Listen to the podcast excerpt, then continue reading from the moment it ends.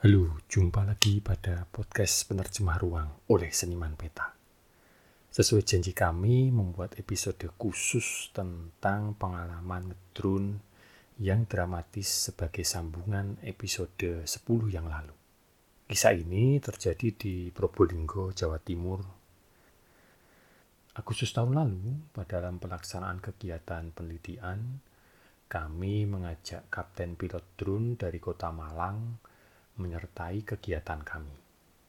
Ada area mangrove dengan luas kurang lebih 145 hektar lebih yang perlu kami petakan. Sesuai dengan uh, standar kerja kami, sebelum berangkat pasti ada technical meeting. Kebetulan kamilah tim leadernya. Jadi pada kegiatan penelitian ini, kami akan membawa beberapa kru termasuk kapten pilot drone untuk melakukan kegiatan bersama kami. Kami juga memberikan arahan secara detail mengenai kapan berangkat, kemudian kondisi area yang perlu di cover, tinggi terbang drone, jam berapa harus terbang, dan lain sebagainya.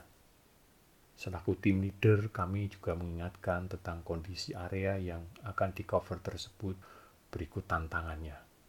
Jadi kami telah mengingatkan untuk membawa baterai cadangan yang memadai.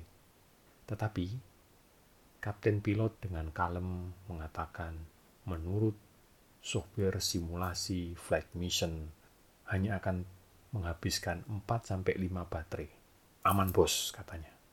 Tapi kami tipe orang yang tidak mau berdebat, tapi dalam hati kami bilang, kita lihat siapa yang benar-benar presisi. Lantas, ketika hari H, kami tiba di lokasi kurang lebih jam 11 siang dan misi drone itu dimulai. Nah, ternyata apa yang kami katakan tempo hari benar.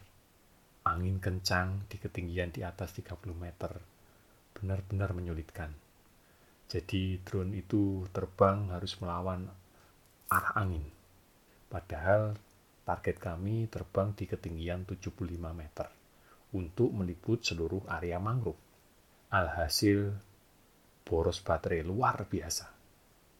Satu baterai yang terisi full hanya dapat terbang pendek sekali dan harus segera kembali sebelum satu lajur jalur terbang itu selesai untuk ditempuh. Jadi benar-benar di luar flight mission yang sudah direncanakan.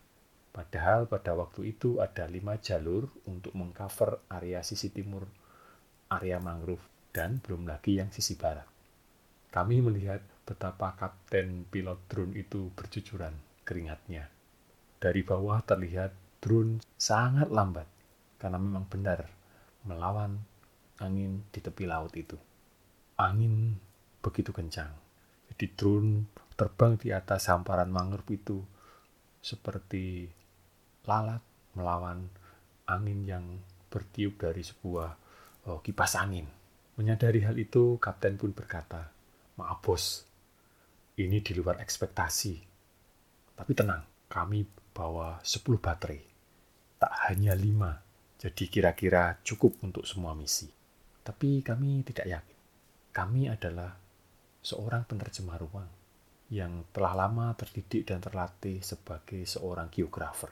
Tentu jauh hari sebelum ke lapang ini, kami sudah mempelajari situasi dengan detail dan kami telah survei awal duluan. Bahwa di Pasuruan dan di Probolinggo sudah sejak lama sekali pada musim kemarau terdapat angin lokal yang oleh masyarakat setempat diberi nama angin gending. Angin ini legendaris pokoknya. Kalau di ilmu meteorologi dan e, klimatologi, Angin ini termasuk golongan angin fun. Kami menjelaskan hal tersebut pada Kapten Drone sambil mengawasi laju terbang drone yang lambat sekali itu.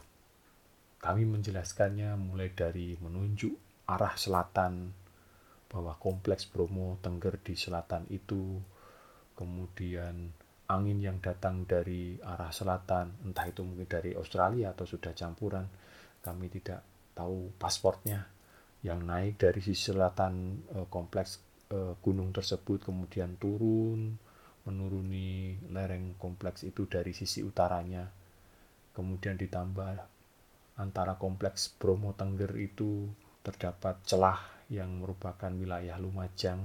Di timurnya ada Gunung Argopuro yang menjulang. Maka jadilah angin itu seperti terkonsentrasi di tengah. Di antara dua kompleks gunung tersebut, yang tentu saja bagian utaranya terdapat kota Pasuruan dan Probolinggo. Jadi wajar sekali pada periode waktu tertentu terdapat angin lokal yang begitu kencang dari selatan ke utara di siang hari. Mengapa bisa seperti ini? Pembacaan dan pemahaman akan ruang dalam cakupan yang luas bisa menjelaskan secara ilmiah mengapa angin tersebut seperti ngajak duel drone di atas sana. Ya kalau teman-teman juga tidak percaya, silahkan membuka peta cermati tanda-tanda alam pada lokasi yang saya sebut tadi. Nah, di akhir kisah, pada hari itu total habis 20 baterai. Jadi sempat kopilot dodok pintu warga untuk minta izin agar bisa ngecas baterai-baterai drone tersebut. Ya Alhamdulillah misi sukses tanpa ada kecelakaan drone dan selesai menjelang senja. Sungguh sebuah pengalaman berharga bagi kami. Nah, itu saja Jumpa lagi di episode berikutnya. Dadah.